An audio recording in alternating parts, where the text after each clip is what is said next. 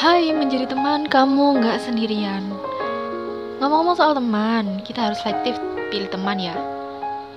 Karena ada pepatah bilang kalau kamu berteman dengan seorang penjual minyak wangi, maka kamu akan wangi juga. Tapi kalau kamu berteman dengan orang yang penjual ikan, maka kamu ikut amis juga. Ngomong-ngomong nih, sebenarnya mungkin nggak sih pertemanan abadi itu? Aku pernah dengar kalau ada seorang nenek yang masih bisa berkumpul dengan teman lamanya.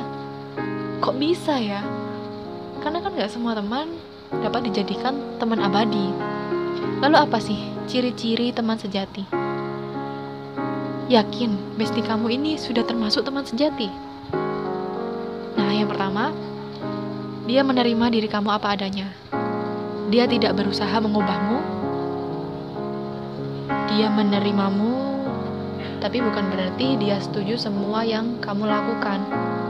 Hanya saja jika berbeda pandangan, pendapat, dia tidak menjatuhkan kamu.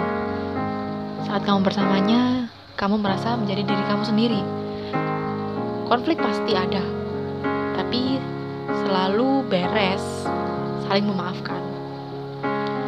Lalu yang kedua, dia tidak meninggalkanmu saat kamu masa terburuk kamu dia berusaha untuk selalu mengembalikan keceriaan.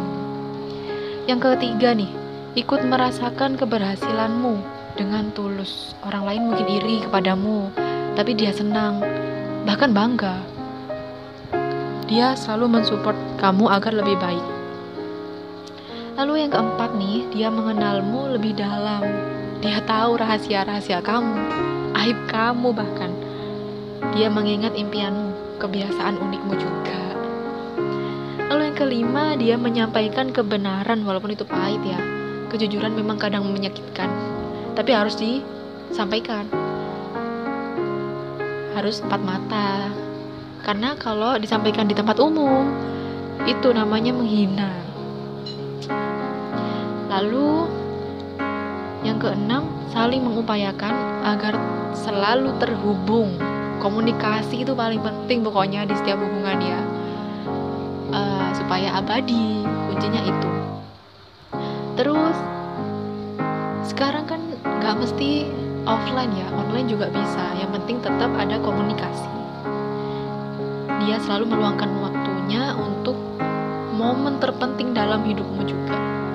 Lalu yang ketujuh dia tidak gosipin kamu di belakang.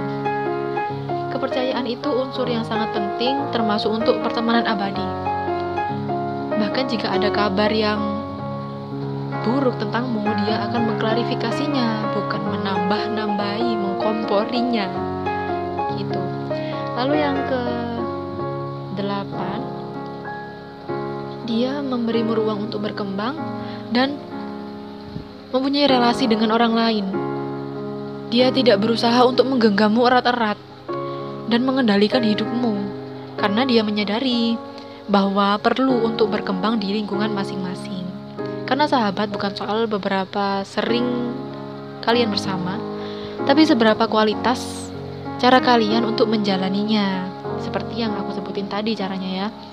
Sebenarnya keabadian di dunia ini itu nggak ada ya, selain Tuhan, Allah. Jadi di sini pertemanan abadi itu usaha kita untuk tetap berkomunikasi, menyambung hubungan pertemanan yang udah dibangun sejak lama, supaya tetap ada hingga tua nanti.